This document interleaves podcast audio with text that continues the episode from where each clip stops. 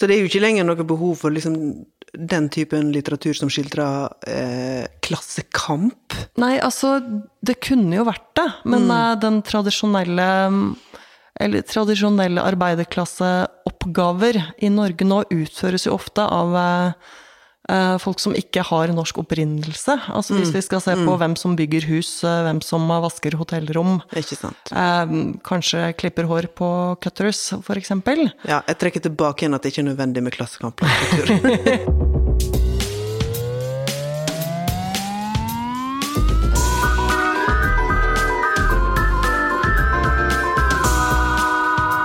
Jeg heter Olaug Nilsen. Jeg heter Marie Aubert. Vi er forfattere, og vi møtes for å snakke om bøker.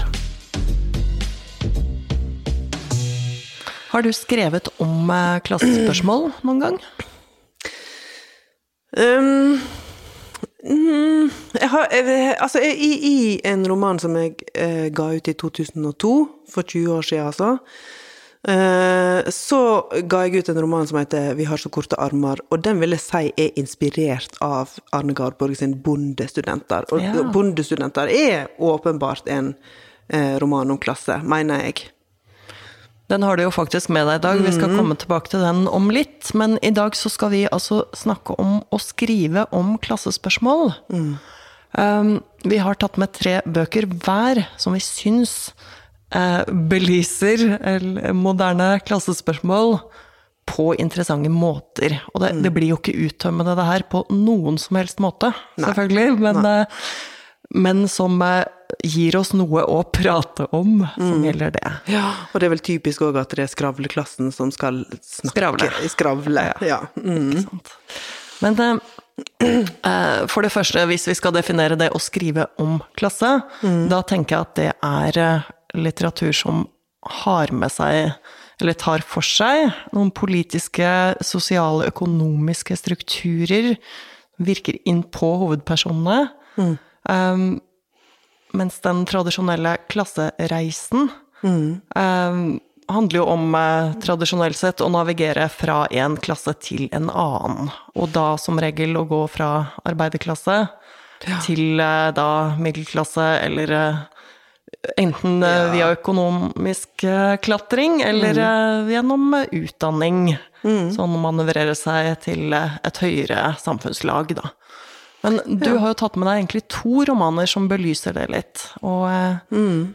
som med stort eh, sprang i tid. Men du kan jo fortelle litt om, eh, om dem.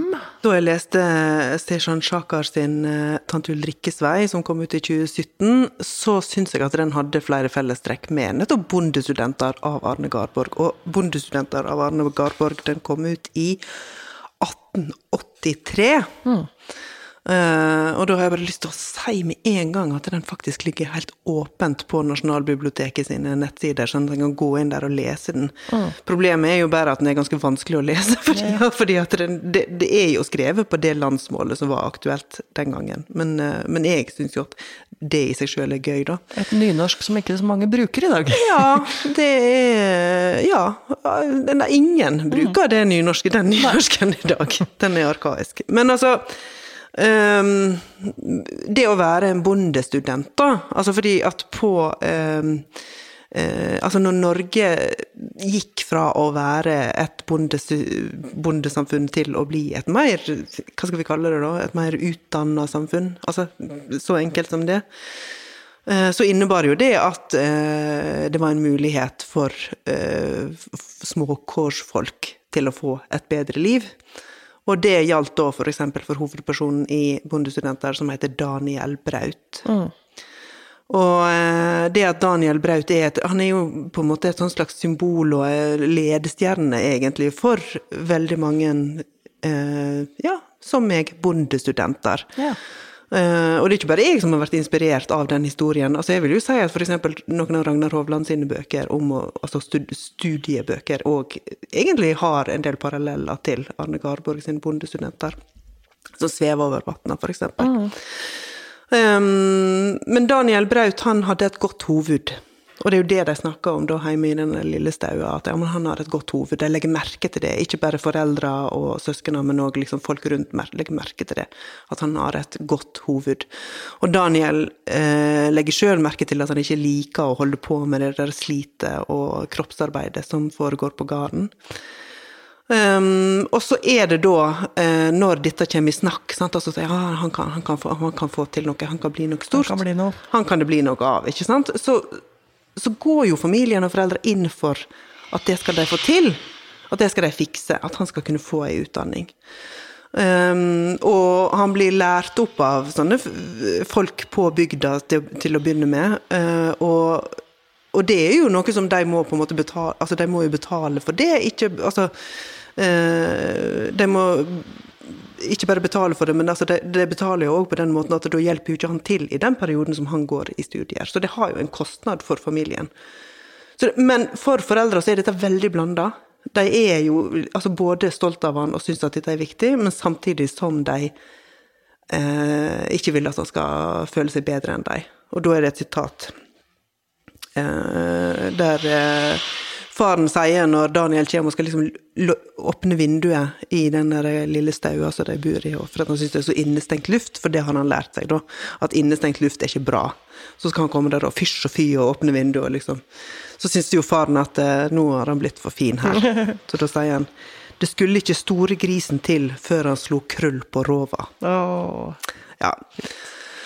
Eh, lang historie om, eh, om, Daniel Braut sin oppvekst i denne lille staua. Men altså, det som skjer da, er jo at dette fortsetter. sant? Altså, familien betaler for hans utdanning.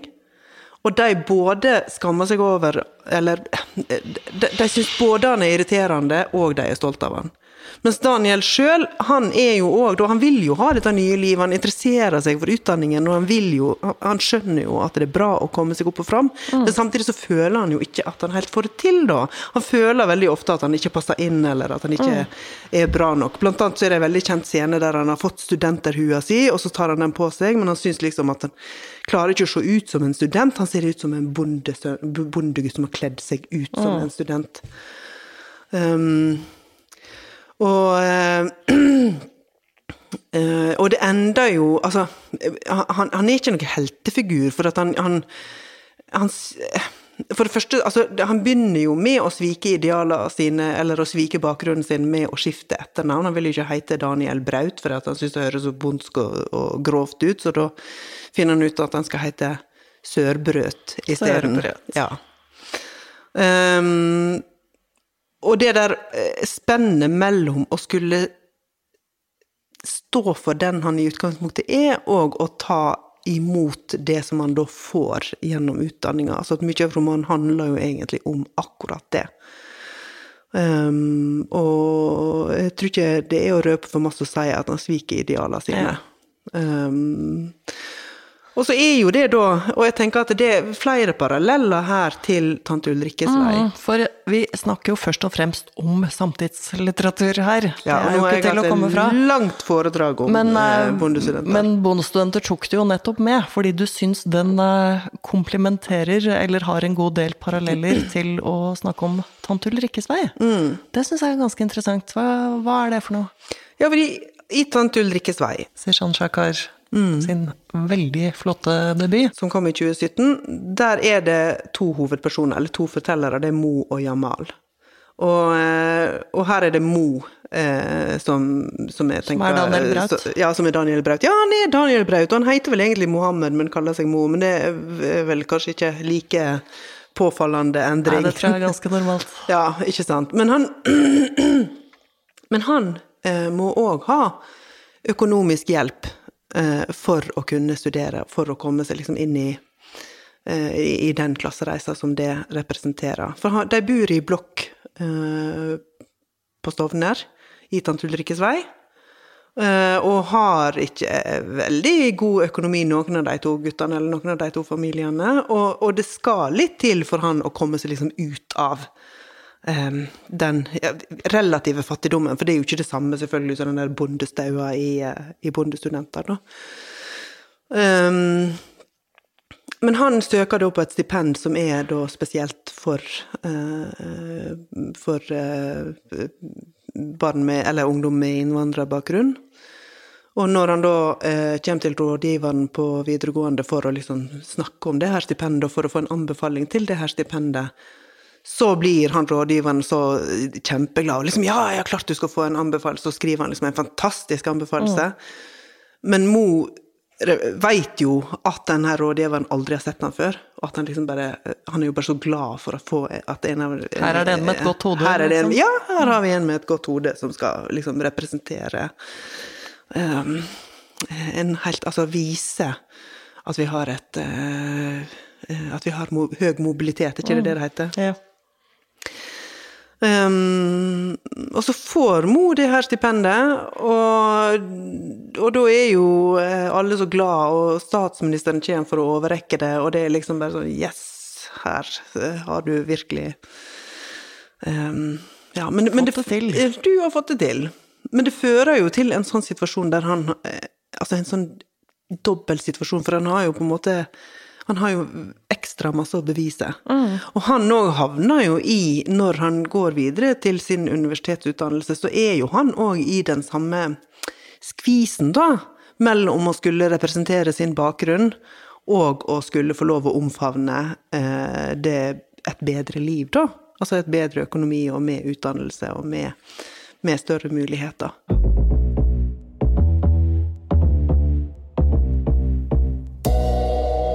En annen som har belyst denne vanskelige overgangen fra arbeiderklasse til eh, høyere utdanning nå, er jo selvfølgelig Lars Ove Seljestad i den Blind, som var hans veldig profilerte debut. Ja. Men eh, da jeg begynte litt sånn å finne fram bøker til denne episoden, så slo det meg at det skrives jo ikke fryktelig mye sånne romaner nå. Altså den der eh, som handler om et industrisamfunn, om eh, eh, livet der eh, vilkårene i eh, et sånt arbeiderklassesamfunn. Um, og hvorfor er det ikke det? Altså den der tradisjonelle arbeiderlitteraturen. Jeg kommer på selvfølgelig Jan Kristoffer Dale, som har skrevet om det. Altså Edouard Louis, mm, hvis vi skal til utlandet. Skriver selvfølgelig om sånn oppbruddet fra en arbeiderklasse. Ja. Men en ting som slår meg selvfølgelig, er jo at den langt flere eh, nordmenn er jo blitt middelklasse. Altså det som var arbeiderklasse, er økonomisk sett mye mer middelklasse nå. Mm. Det andre er jo at økonomi er jo ikke nødvendigvis en eh, stor markør for å skille ulike yrker fra hverandre. altså, du kan tjene like greit uh, som håndverker som eh, om du er professor, på en måte. Ja. Så det er jo ikke lenger noe behov for liksom den typen litteratur som skildrer eh, klassekamp. Nei, altså, det kunne jo vært det, men eh, den tradisjonelle eller tradisjonelle arbeiderklasseoppgaver i Norge nå utføres jo ofte av eh, folk som ikke har norsk opprinnelse. Altså hvis vi skal se på hvem som bygger hus, eh, hvem som vasker hotellrom, Ikke sant? eh, kanskje klipper hår på Cutters, eksempel. Ja, jeg trekker tilbake igjen at det ikke er nødvendig med klassekamplitteratur.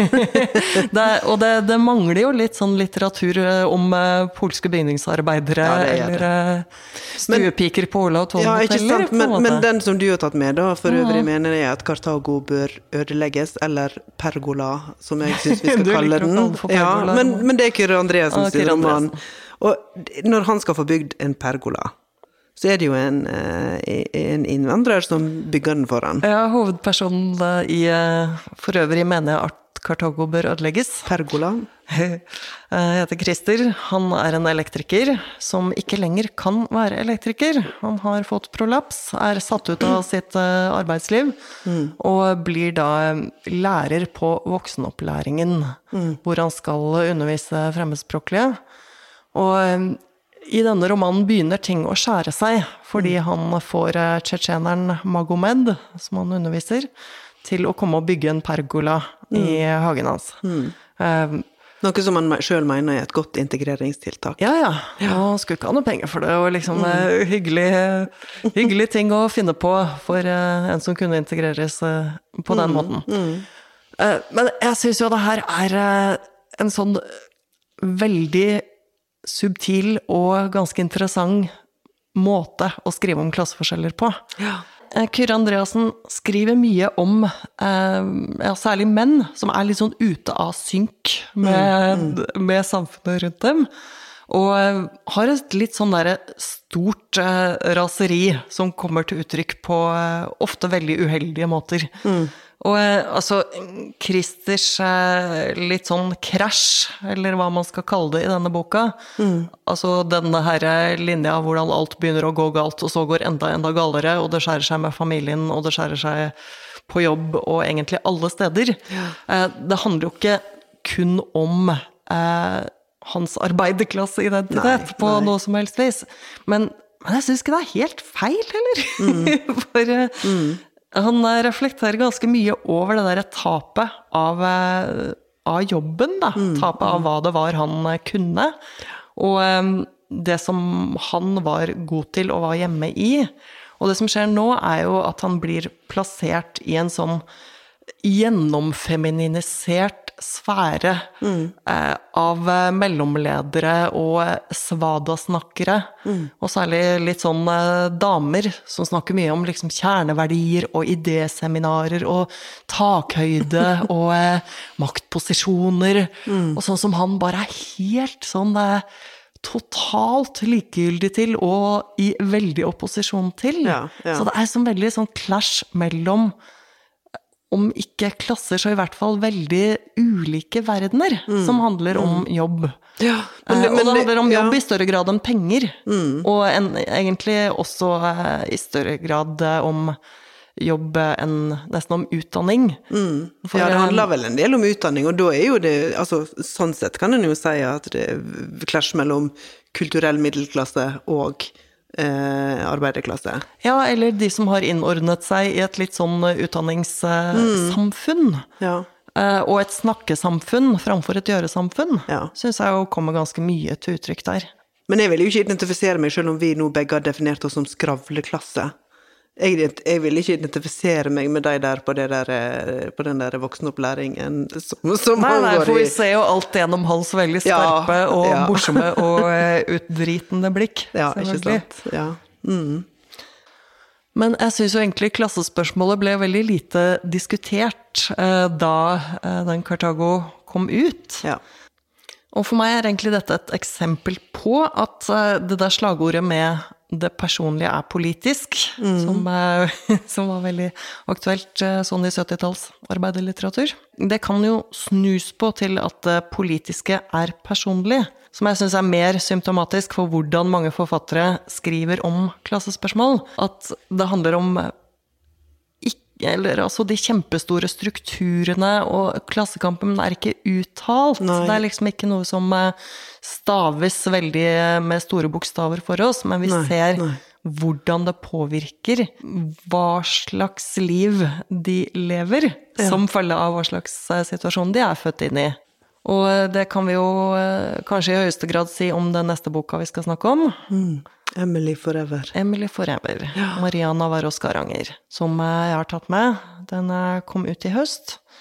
Og her møter vi da Emily, eh, ung jente på sånn 18-19 år, som er gravid, er eh, forlatt av barnefar, barnefar, har veldig lite nettverk, eh, jobber på Kiwi, eh, og kommer liksom litt sånn hele tida til kort i møte med de som potensielt kan hjelpe henne. Ja. Hun har en litt sånn passivitet, var det vel du som sa, tror jeg?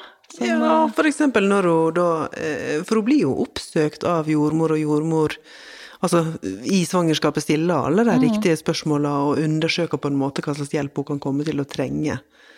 Ehm, og som leser så sitter en jo da og, og tenker ja, ta imot, ta imot. Sant? Altså, du skal bli alenemor, ta imot. Men akkurat så liksom ikke helt får det med seg. Sant? Altså, ikke, akkurat, akkurat så ikke helt skjønner at det faktisk er en mulighet å ta imot. Nei, hun kan liksom lene seg på mora si, men mm. det er akkurat som hun ikke har den erfaringen i å kunne lene seg på eh, Nei, på hjelpeapparatet, hjelpeapparat, da. Eller altså på de eh, Ja, Og at det sant? også blir en del av, eh, av den fattigdommen. Mm, ja, ikke sant. For hvis det var i bondestudenter det her foregikk, sant? så hadde det jo ikke vært noe jordmor som kom og, mm. og sa noe sånt, eller fulgte opp på noe vis.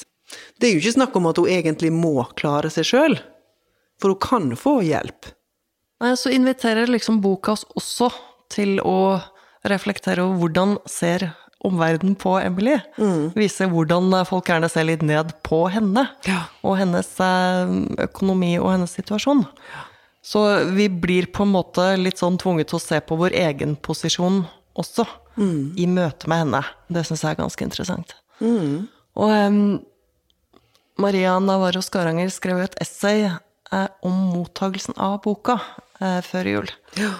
Hvor hun peker på hvordan noen anmeldere har vært uvillige til å lese det som en roman om klasse, og stilt litt det spørsmålet om eh, Ja, Blir det egentlig klasselitteratur av at hovedpersonene er fattige?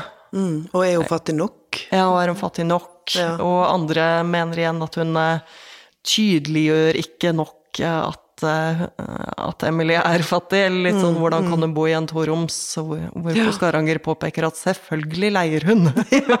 Nei, naturligvis eier ikke den leiligheten, det trodde jeg ikke var nødvendig å si engang. Mm, Men uh, hvor hun også legger til et sted at um, hun ville ikke liksom uh, stille ut fattigdommen og rope liksom Se på disse stakkars menneskene, så fattige de er. Nei. Og her siterer jeg at fra hennes essay ikke minst vil en slik krydret tekst bli så oppkonstruert at man som leser ikke har noe annet valg enn å synes forferdelig synd på romanpersonene.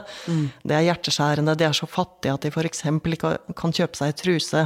Og dette er jo en litt digresjon, men dette syns jeg jo er et veldig tydelig spark til uh, Ingvild Rysøys vinternoveller. Uh, hvor Det er en, uh, nettopp en uh, alenemor som ikke har råd til å kjøpe ei truse til dattera si. Ja, fordi dattera vil eh, gi eh, de siste 20 kronene til en tigger som de møter. Det er noe novellen som heter 'Vi kan ikke hjelpe alle'. Nei. Syns vi Ingvild Rysøy skriver om klasse? Vinternoveller er jo én ting, men uh, Stargate er jo Ingvild Risøy sin uh, roman fra, som kom ut samme høst som Emily Forever, og eh, ehm, som jo handler Altså ei, julefortelling uh, der det er snakk om en fattig familie, da. Um, med en alkoholisert far som er alene med sine to døtre. Og det er jo eh, alvorlig omsorgssvikt i den romanen. Uh, Men eh, fokuset er på en måte ikke på den alvorlige omsorgssvikten, men, uh, men heller på hva de to jentene gjør for å bedre sin egen situasjon, og, og eh, hvordan de drømmer om et annet liv. Altså, Ingvild Risøy skriver jo sosialrealistisk, og det er eh, hovedpersoner som er dårlig stilt, men jeg oppfatter ikke at eh, det er et pro politisk prosjekt, eller at det handler om å adressere klassespørsmål. Det er mer en sånn trøst gjennom deltakelse, da, å gå helt sånn inn i det der perspektivet til det forsømte barnet. Og at vi skal eh, liksom tvinges til å stå der og være der. Men jeg oppfatter det ikke som eh, diskusjon rundt klassespørsmål, på samme måte som jeg gjør f.eks. eh, hos Garanger, faktisk. Da. Men ingen av de to bøkene er jo ei oppfordring til å gjøre, å gjøre noe endring. Altså, egentlig er jo ingen av de to bøkene det. Nei, egentlig er ingen av de det. Nei. Men, uh, Men det er jo for så vidt heller ikke tatt til drikkesvei. Pondusstudenter, ja. For øvrig mener jeg at Kartago bør ødelegges, nei. Nei, det er jo litt sånn også må Ja, må den politisk Må klasse... Må det gjøres noe? ja, må det, altså når du snakker om klasse, må det liksom være sånn derre for, for det var jo kritikken mot 70-tallslitteraturen Mhm. om, eh, om klasse, ikke sant? Altså at den ble på en måte for sånn derre pedagogisk og programlitteratur ja, og en eh, sånn eh, oppskrift på hvordan skal man endre verden. Ja, ikke sant? Og veldig få har jo noen sånn eh, agenda som de trekker med seg i bøkene. Det er jo skildring, men det er jo eh, ingen sånn eh, som vil ha på seg nesten at de oppfordrer veldig til eh, handling. Nei. Men, men der vil jeg jo kanskje si at eh, Tøyen-effekten er Mm. litt annerledes. For den handler jo i hvert fall om eh, hva skjer når noen går inn og prøver å handle. Ja, ikke sant? Fortell om den. Det er Ja, det Bjarte Breiteig. er Bjarte Breiteig, ja. Eh, som eh, Den òg er fra i høst. Mm. Høsten 2021. Eh, og der handler det om Mona og Jostein, ekteparet Mona og Jostein, som eh, når de blir foreldre til Kalle, så flytter de Altså da slutter de på en måte å være studenter, eller da må de liksom ut av studenttilværelsen og så over i voksentilværelsen. Og da, når de skal kjøpe en leilighet, så har de vel egentlig ikke råd til noe annet enn å kjøpe seg på Tøyen. Um, og det er på en måte inngangen til deres til, altså Selvfølgelig til at de flytter dit og bor der, men òg til et engasjement for den bydelen, for bydelen Tøyen. Nå, Som vi kan legge til at det uh, var en bydel med mm, ganske sosialt store problemer i, mm. uh, på den tida hvor de etablerer seg der, i ja. 2008. Det har skjedd mye der siden da. Ja, ikke sant? Kan ikke du si litt om det, da? For det, det, du bor jo i jeg denne byen. Jeg bor jo på Tøyen. Ja, ja, den er jo blitt der. Eh, kraftig gentrifisert ja, kan, siden å, ja. Eh, det året Mona Jostein Men du kan ikke bare si hva, hva betyr gentrifisert? For jeg tror jo at det betyr noe om liksom, å være gammel, men det er jo ikke det det betyr. Nei, overhodet ikke. det, det, er jo når uh, alkis-pubene legges ned, og Joe and the ja. Juice rykker inn isteden, for å si det sånn. Det, eller når uh, når eh, en bydel får et eh, økonomisk oppsving, mm. og eh, middelklassen rykker inn. Ikke sant, nettopp. og ja. endrer hele bydelen kraftig. Ja. Sånn som mange bydeler i Oslo har vært gjennom. Og da kan en jo kanskje si at det der altså Tøyen-effekten, sant? altså når Mona og Jostein, et middelklasseektepar, flytter inn der, så er jo det da er jo de en del av den gentrifiseringen. Men de er i romanen veldig opptatt av at de vil skape et stort vi. Altså, de er jo litt sånn pionerer. Mm. For det er, eh, det er, nesten ingen norske familier som kommer og bosetter seg på Tøyen Nei. i 2008. Nei. Det er en eh, stor andel eh, sosialboliger. Stor Ja, mye fattigdom. Mm. Og ting ligger ikke så til rette for at eh, det skal være attraktivt for familier å bosette seg der i det hele tatt. De, mm. Men de bestemmer seg veldig sånn for å bli, og at dette ja. skal bli vårt prosjekt. Og det at vi skal bygge bro. Ja, ikke sant. Og det henger jo sammen med at Kalle, da, som den lille gutten heter, at når, de, når han skal begynne på skolen, så ser de jo det som de allerede vet, at han er et av de ytterst få norskfødte barna, altså som ikke har en innvandrerbakgrunn. Altså, han er et av de få lyse barna, da, for å si det sånn. Altså, jeg syns jo um, Tøyen-effekten særlig handler om prisen uh, for idealisme. Mm, Eller uh, mm. for Jostein i denne boka blir jo en sånn samlende kraft.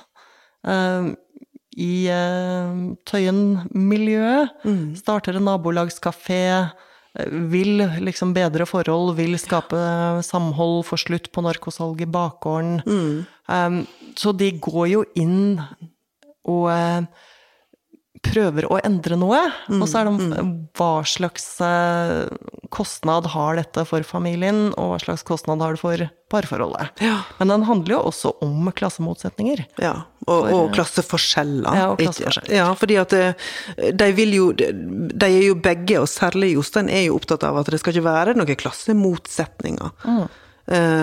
Men men boka registrerer jo veldig mange klasseforskjeller. Det gjør den jo absolutt. For eksempel så er det da ei scene der Jostein og Mona og Kalle skal på besøk til sine venner med somalisk bakgrunn, som er Hamdi og Abdi Farah. Eh, og da er det jo veldig masse sånn snakk om på forhånd at de, blir nervøse av å bli invitert dit. De har hatt på besøk Abdi Farah og Hamdi mange ganger hjemme hos seg, men når de blir invitert til dem, så blir de nervøse. Mm. Eh, hva skal de ta på seg? Skal de pynte seg, eller blir det for masse? Og så er det veldig masse snakk om om de skal ta med seg noe. Altså Om de skal ta med seg f.eks. en flaske vin eller dessert. Hva er eller, altså, ja, hva er kutymen? Og så endrer det med at de tar med seg en melon. For det er liksom verken for dyrt eller for billig eller liksom for smått. Eller for, ja. Og så kommer de da med den der svære melonen. Og så viser det seg at eh, Hamdi og Abdi Farah de bor jo så trangt at de knapt har plass. De har jo ikke plass til melonen på kjøkkenbenken, så de må liksom, så ler Abdi Farah og setter den i en krok på kjøkkenet, liksom. Men i den derre eh, den her eh, fortellingen om det besøket i den lille leiligheten, det er interessant på, så, på flere måter. Eh, fordi de skal òg være med å bake samosa sammen med mm. dem, da. Og så eh, blir da Mona eh, Altså, hun kløner så voldsomt med den der deigen og får det ikke skikkelig til og ler unaturlig høyt og må ha masse hjelp. Men hun er jo fullstendig klar over sjøl at hun gjør seg dårligere enn hun er, for å liksom markere at det er liksom noe ekstra flott. Jeg er ikke noe bedre enn deg, jeg. Ja, liksom. sant? Altså, det er liksom kjempeflott med den der samosa-lagingen, og jeg får det ikke til engang. Men så skammer hun seg samtidig over å oppføre seg sånn. Ja. Men eh, for Mona og Jostein er det jo en sånn stadig diskusjon med skal vi flytte? Skal vi bli boende? Og um, så lenge de blir boende, så er de fortsatt dette vide. Ja. Og eh, kan på en måte gå ut av klasseskillene sine. Men så støter de jo på de her forskjellene hele tida. Ja. At de er litt bedre stilt. De har mer penger, de har mange flere muligheter. De eh, beveger seg i helt andre sfærer på jobb gjennom arbeidslivet sitt, i hvert fall Mona. I hvert fall Mona, ja. ja. Ja, mens Jostein han tilhører jo egentlig den der altså for vi, vi var jo, Han er jo kanskje skravleklassen, da, eller i hvert fall eh, skriveklassen, da, hvis at det finnes Ja. noe sånt. For at det, eh, kunstnere og eh, altså folk som jobber innenfor kulturfeltet, er jo ikke nødvendigvis veldig godt økonomisk stilt. Så det òg er jo en problemstilling i den boka, nettopp at hans inntekt er så lav. Han har bare strøjobber, og han kan ha store liksom, både kunstneriske og eh, altså intellektuelle ambisjoner. Men når det kommer til stykket, så får han jo Han får jo ikke noe godt betalt for, eh, for det han holder på med, verken sånn eller slik. Så det òg er jo en tematikk i boka, at mellom de to òg blir det jo, oppstår det jo nesten Ja. som en klasseforskjell. Mm, fordi Mona har en fast jobb i et, Et forlag, ja. og beveger seg sånn på hagefester og eh, mellom forfattere og, eh, og folk med ja, høy kulturell anseelse. Og syns det er en sånn helt annen verden å være der. Eh, til forskjell fra når hun kommer hjem til nabolaget sitt, på en måte. Men eh, hun reflekterer jo også så ganske interessant over eh, at det er liksom noe litt sånn virkeligere liv de lever, som eh, de liksom er litt sånn høye på. Ja. I hvert fall de første åra de bor på Tøyen. Da. Ja. At eh, vi står liksom i noe barskere og eh, mer virkelig, det er mer levd liv eh, enn alle vennene våre, ungene våre får erfaringer de ikke får. Men så blir det jo etter hvert en litt sånn Er dette bare noe vi prøver Ja, å smykke oss med? Klarer vi faktisk overhodet å transcendere disse forskjellene? Mm. For de sitter jo liksom på et sånn folkemøte om Tøyenløftet, hvor hun plutselig registrerer at her er det jo bare hvite folk fra Ja, Kampen og. Vålerenga, pluss mange politikere som vil være med på denne Mm. liksom feiringen av Tøyen. Men det berører jo egentlig ingen av de som faktisk trenger dette løftet, på en måte. Ja, og så er det jo òg eh, ei problemstilling at når det liksom blir for tøft, da Når det blir for Ja. Klarer de det da? Fordi at eh, det er beskrevet eh, Altså når det kommer mange flyktninger, da. Um, og nå Under er flyktningkrisen. Ja, under flyktningkrisen. Og så eh, hvordan de fra Tøyenløftet da vil være med og hjelpe til, og ta imot, og liksom ta av litt av trøkket, da, sånn, og så gjøre det litt lettere for de her eh, stakkars som kommer. Uh, og da er det scenen jeg har lyst til å lese. Eh, og da har de da altså vært med å samle inn mat fra restauranter som gjerne vil bidra, og satt opp et telt, og så skal de da eh, gi mat til de her flyktningene som mm, står i lange køer for å registrere seg på eh, politikontoret. Iltre stemmer rundt oss i mørket. Regnet som plutselig falt i små fosser fra telttaket når noen skubbet borti en hjørnestang. Presenningen som hang og slang og gjorde det lille gårdsrommet enda mer uframkommelig enn det allerede var, og maks tre biter på hver ble det hvisket hissig fram og tilbake mellom oss bak bordene. Gi kun én forsyning og maks tre biter. Og vi måtte også gjemme unna noen former for å ha, spis for å ha noe igjen til siste pulje. De små porsjonene ble fort spist, og tallerkenene rakt fram på nytt, en skog av tomme tallerkener. Please give me some more, please, so hungry. Og noen av refugees-folka fikk satt fram esker med pølsebrød, og de flokket seg rundt den, og jeg så hvordan de lyse brødene bare forsvant inn i de mørke ansiktene. Jeg var så utilstrekkelig. Jeg var så feig. Jeg sa etterpå til Jostein at det var av hensyn til Kalle at jeg gikk derfra før det var over, at jeg bare forlot dem. men jeg visste at det ikke var sant, at jeg hadde gått uansett. Det var som om jeg slapp taket i noe mye større da jeg la fra meg skeia og gled ut i det våte mørket uten et ord til noen. Ja, for det her er jo en litt sånn tydeliggjøring av at hun kan jo velge å gå. Hun er ikke nødt til å være der. Nei. Og hun forstår det selv, på en måte også. Ja. Og det derre veldig brutale i den realiteten, mellom de som ikke har noe valg, og de som har et valg, det syns jeg jo denne romanen tematiserer veldig godt. Ja, helt enig. Og det, det blir jo stående igjen egentlig som et ikke helt eh, besvart eh, spørsmål. Eh, at en eh, Altså, en, en kan jo som leser tenke ja, hva ville jeg ha gjort? Hadde jeg orka det? Hadde jeg, eller hadde jeg flytta ut og tatt ungene mine med på en tryggere skole, eller en eh, mer eh, eh, Altså en bedre, et bedre utgangspunkt? Eller ville jeg ha blitt og prøvd å skape en bedre verden? Og jeg, sånn som jeg leser boka, så tenker jeg jo Altså, jeg sitter igjen med en sånn følelse av at Bjarte Breiteig vil si det er håpløst, men vi gir oss ikke, som Ja, er sånn Jan Erik Vold-sitat. Eh, og, og det gir jo meg en sånn derre uh, idealistisk ild. Uh, og, og det tror jeg faktisk er en av hovedgrunnene til at jeg liker den boka så godt. Altså, som, ja, han presenterer disse her problemene, han presenterer dilemmaene, han presenterer alle de der krasja veldig godt og grundig. Men samtidig så vil han ikke gi slipp på den der tanken om at men det er dette vi vil. Det er dette vi må prøve å få til. Jeg syns jo den scenen du leste nå, handler jo om eh, Har man privilegiet til å kunne gå ut av nøden, eller eh, fattigdommen?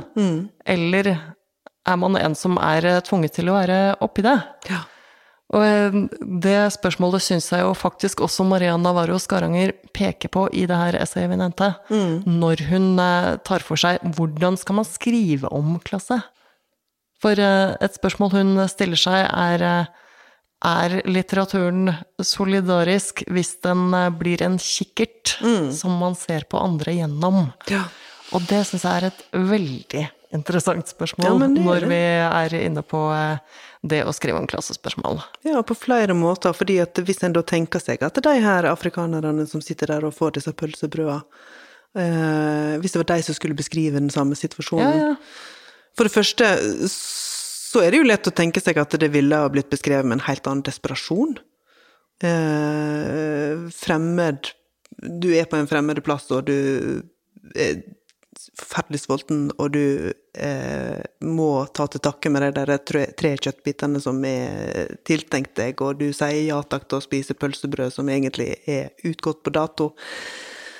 Ehm, men sannsynligvis er jo ikke det det som står fremst i pannebrasken uansett, fordi at eh, eh, du er reist Altså, hele livet er annerledes. Alt er kasta om på og står på hodet, og framtidsutsiktene er sannsynligvis ikke så gode.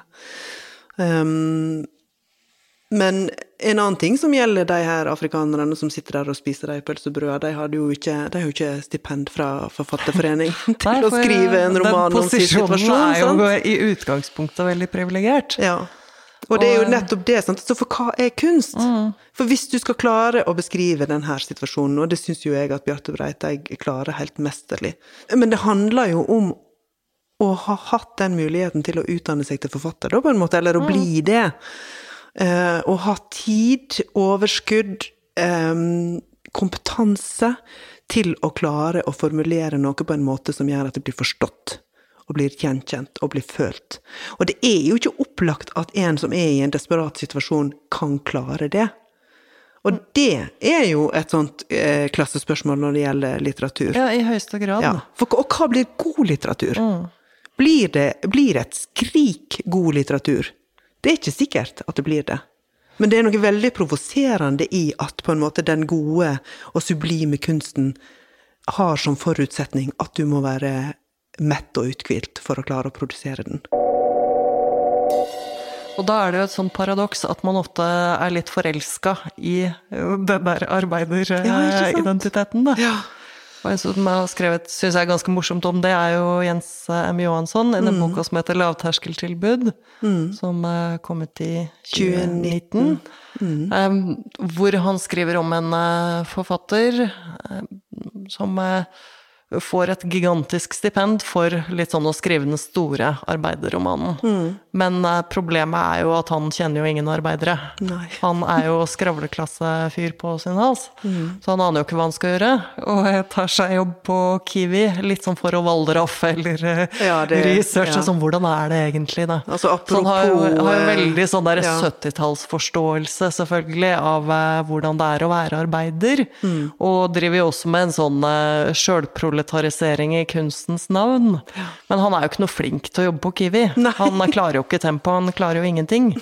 Eh, Så han mislykkes jo totalt, men, eh, men blir bejublet liksom, som forfatter. Mm. Ja. Og det, det jeg syns den romanen klarer godt, er jo at den eh, viser jo hvordan man gjerne vil betrakte denne arbeideridentiteten Ja. Gjennom en sånn kikkert. Altså, du vil gjerne ha det der som er autentisitet og en sånn barskhet, da. Føle at du er i kontakt med noe virkelig, veldig sånn. Men han vil jo egentlig ikke inn der. Han, vil jo ikke, han har jo ikke noe lyst til å fortsette å jobbe på Kiwi. Nei. Det er han jo ikke noe flink til, og dessuten så skal han jo skrive, liksom. Så um, han vil jo bare ha med seg den kredden Ja, som eh, det gir å skrive eh, mm. uten å kunne noe særlig om det, eller egentlig ville ha noe med det å gjøre. Så den der avstanden opprettholdes jo hele tida. Ja, og kan jeg bare skyte inn to ting der? For det ene er at Nina Skåtøy fra Ja. Dag Solstad sin roman om eh, Gunnar Støre Pettersen. Pedersen. Ja. Hun eh, er legeutdanna, men tar seg jobb på Det er vel på syfabrikken, er ikke det? Ja. I hvert fall på fabrikken. Ja. Um, men for hun så blir jo det der altså For hun er jo det en helt sånn vanvittig stor sak. Mm. Altså det er liksom ren eksistensialisme for hennes del. Og når hun mislykkes, eh, sant, så blir det jo fatalt. fatalt. Ikke sant? Så det er en helt annen Altså eh, det er en helt annen eh, Et helt fullstendig annet prosjekt enn det litt mer sånn humoristiske til Jens Johansen i dag. klart. Eh, og en annen ting, så den andre tingen som jeg ville nevne, det er jo det at eh, Emily i Emily Forever jobber på Kiwi, og hun er heller ikke spesielt god i jobben. Det må jo kanskje gå an å si, at hun er jo ikke liksom kjempegod i den jobben, og særlig ikke som høygravid når hun er, trøtt og treig og vanskelig å bøye seg ned for å sette dopapiret inn i ylla, ikke sant? Men der får jo det en helt annen klang enn hos Jens Johansen. For at, eh, at eh, Jens Johansen sin hovedperson gjør en dårlig jobb på Kiwi, det er jo mer komisk. Han må jo ikke være der. Nei, han må jo ikke være der. Han Ja. må jo ikke være der. Mm. Han kan jo helt fint eh, velge det bort. Han har jo egentlig ingenting å gjøre der i utgangspunktet. Nei. Men det er jo også den derre middelklasseskammen du kan mm. se, liksom. Mm. Ja, ja. Både tematisert eh, Men det er også en sånn middelklasseskam, eller eh, ja, skravleklasseskam, da. Mm, Å eh, ikke ha kontakt med folket, men eh, gjerne ville ha det. Ja.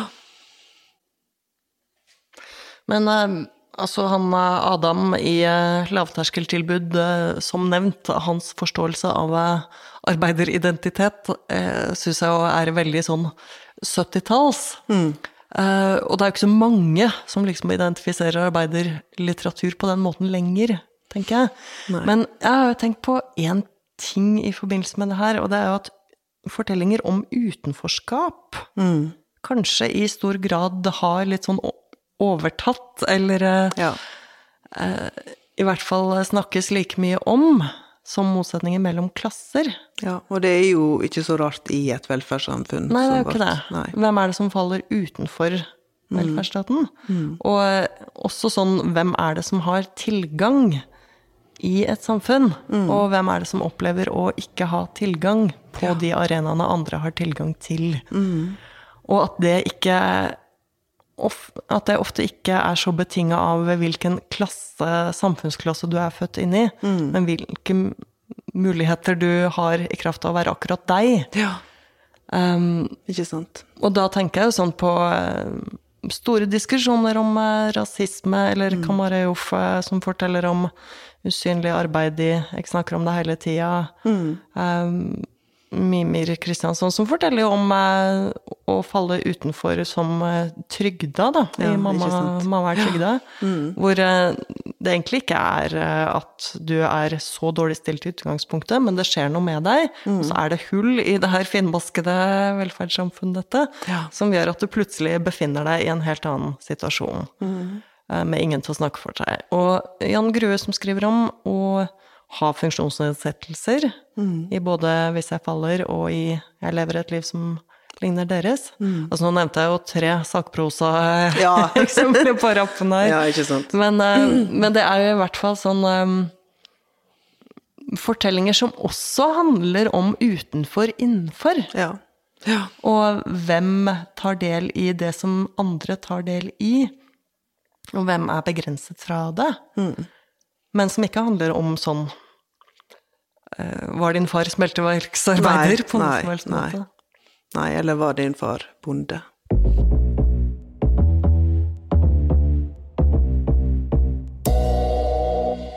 Men er det her sånne ting som en kan tillate seg å skrive om hvis, ikke, hvis en ikke har den erfaringa sjøl? Ja, det er jo litt sånn Jeg tenker jo litteraturen må kunne være et sted hvor du eh, prøver å sette deg inn i andres situasjon. Mm. Jeg syns i utgangspunktet det blir et veldig begrensa rom hvis du ikke skal kunne tenke deg inn i hodene til eh, folk som eh, er mindre privilegerte enn deg selv også. Ja. Men eh, det er jo sånne ting som synes veldig godt. Hvis, eh, du ikke, hvis du ikke har peiling på det du skriver om. Det, Ja, Sånn, det er jo det Adam eh, i lavterskeltilbud er så redd for, å liksom bli tatt på noe. Og så blir han jo selvfølgelig litt det. Men eh, Men altså, en kan jo òg si at en har en forpliktelse til å sette seg inn i mindre privilegerte sin situasjon når en er i den situasjonen at en både kan og har råd til å skrive skjønnlitteratur, eller sakprosa. Men vil du skrive noe annet enn middelklasselitteratur, Marie? altså, det holdt på å si nei. Aldri. Nei, jeg tenker jo eh, Man diskuterer jo en del sånn skriver eh, middelklasseforfattere om middelklassen, eh, og skaper det et altfor snevert rom, osv. Og, så og jeg oppfatter jo for det første ikke at det bare skrives eh, litteratur om middelklasse. Jeg syns jo det er eh, et litt sånn begrensende måte å se litteraturen på. Mm. Der, som vi jo har også sett en del eksempler på her, så skrives det jo fra mange samfunnslag, selvfølgelig. Men et kanskje viktigere eksempel jo Et viktigere spørsmål, mener jeg, er jo hvem det er som skriver. Sånn som du var inne på. Ja. Eh, og hvem har tilgang på eh, så mye tid og eh, penger nok til å kunne skrive? Eh, og hvem er utelukka fra det? Og hvilke fortellinger er det du går glipp av da? Og hva slags innsikter er det du går glipp av da? Det syns jeg er et veldig mye viktigere spørsmål. Og eh, det er selvfølgelig litt sånn vanskelig. Eh, Det er alltid vanskelig når eh, forlag liksom skal finne den store van- innvandrerromanen, eller man skal etterlyse sånn den store romanen fra, skrevet av en polsk bygningsarbeider, på en måte. Eh, Det får jo ofte litt sånn karakter av noe veldig sånn villet, og Ja. Også litt sånn ja, for representasjonens del, da, sånn som Ja, Daniel ja. Braut og, Ja, ja, og kanskje Mo i Tante Ulrikkes vei begge opplever. Mm. Samtidig syns jeg jo det er eh, et veldig viktig eh, aspekt å ha med seg. Hvem du gir den tilgangen. Ja. Man kan jo snakke om det å skrive ofte ender med å bli et litt sånn eh, privilegert fenomen i seg selv, det. Vi skal møtes igjen om ikke så lenge, og da skal vi snakke om et helt annet tema. ja. Og det gleder jeg meg til. Ja, jeg også. Takk for praten. Takk for praten.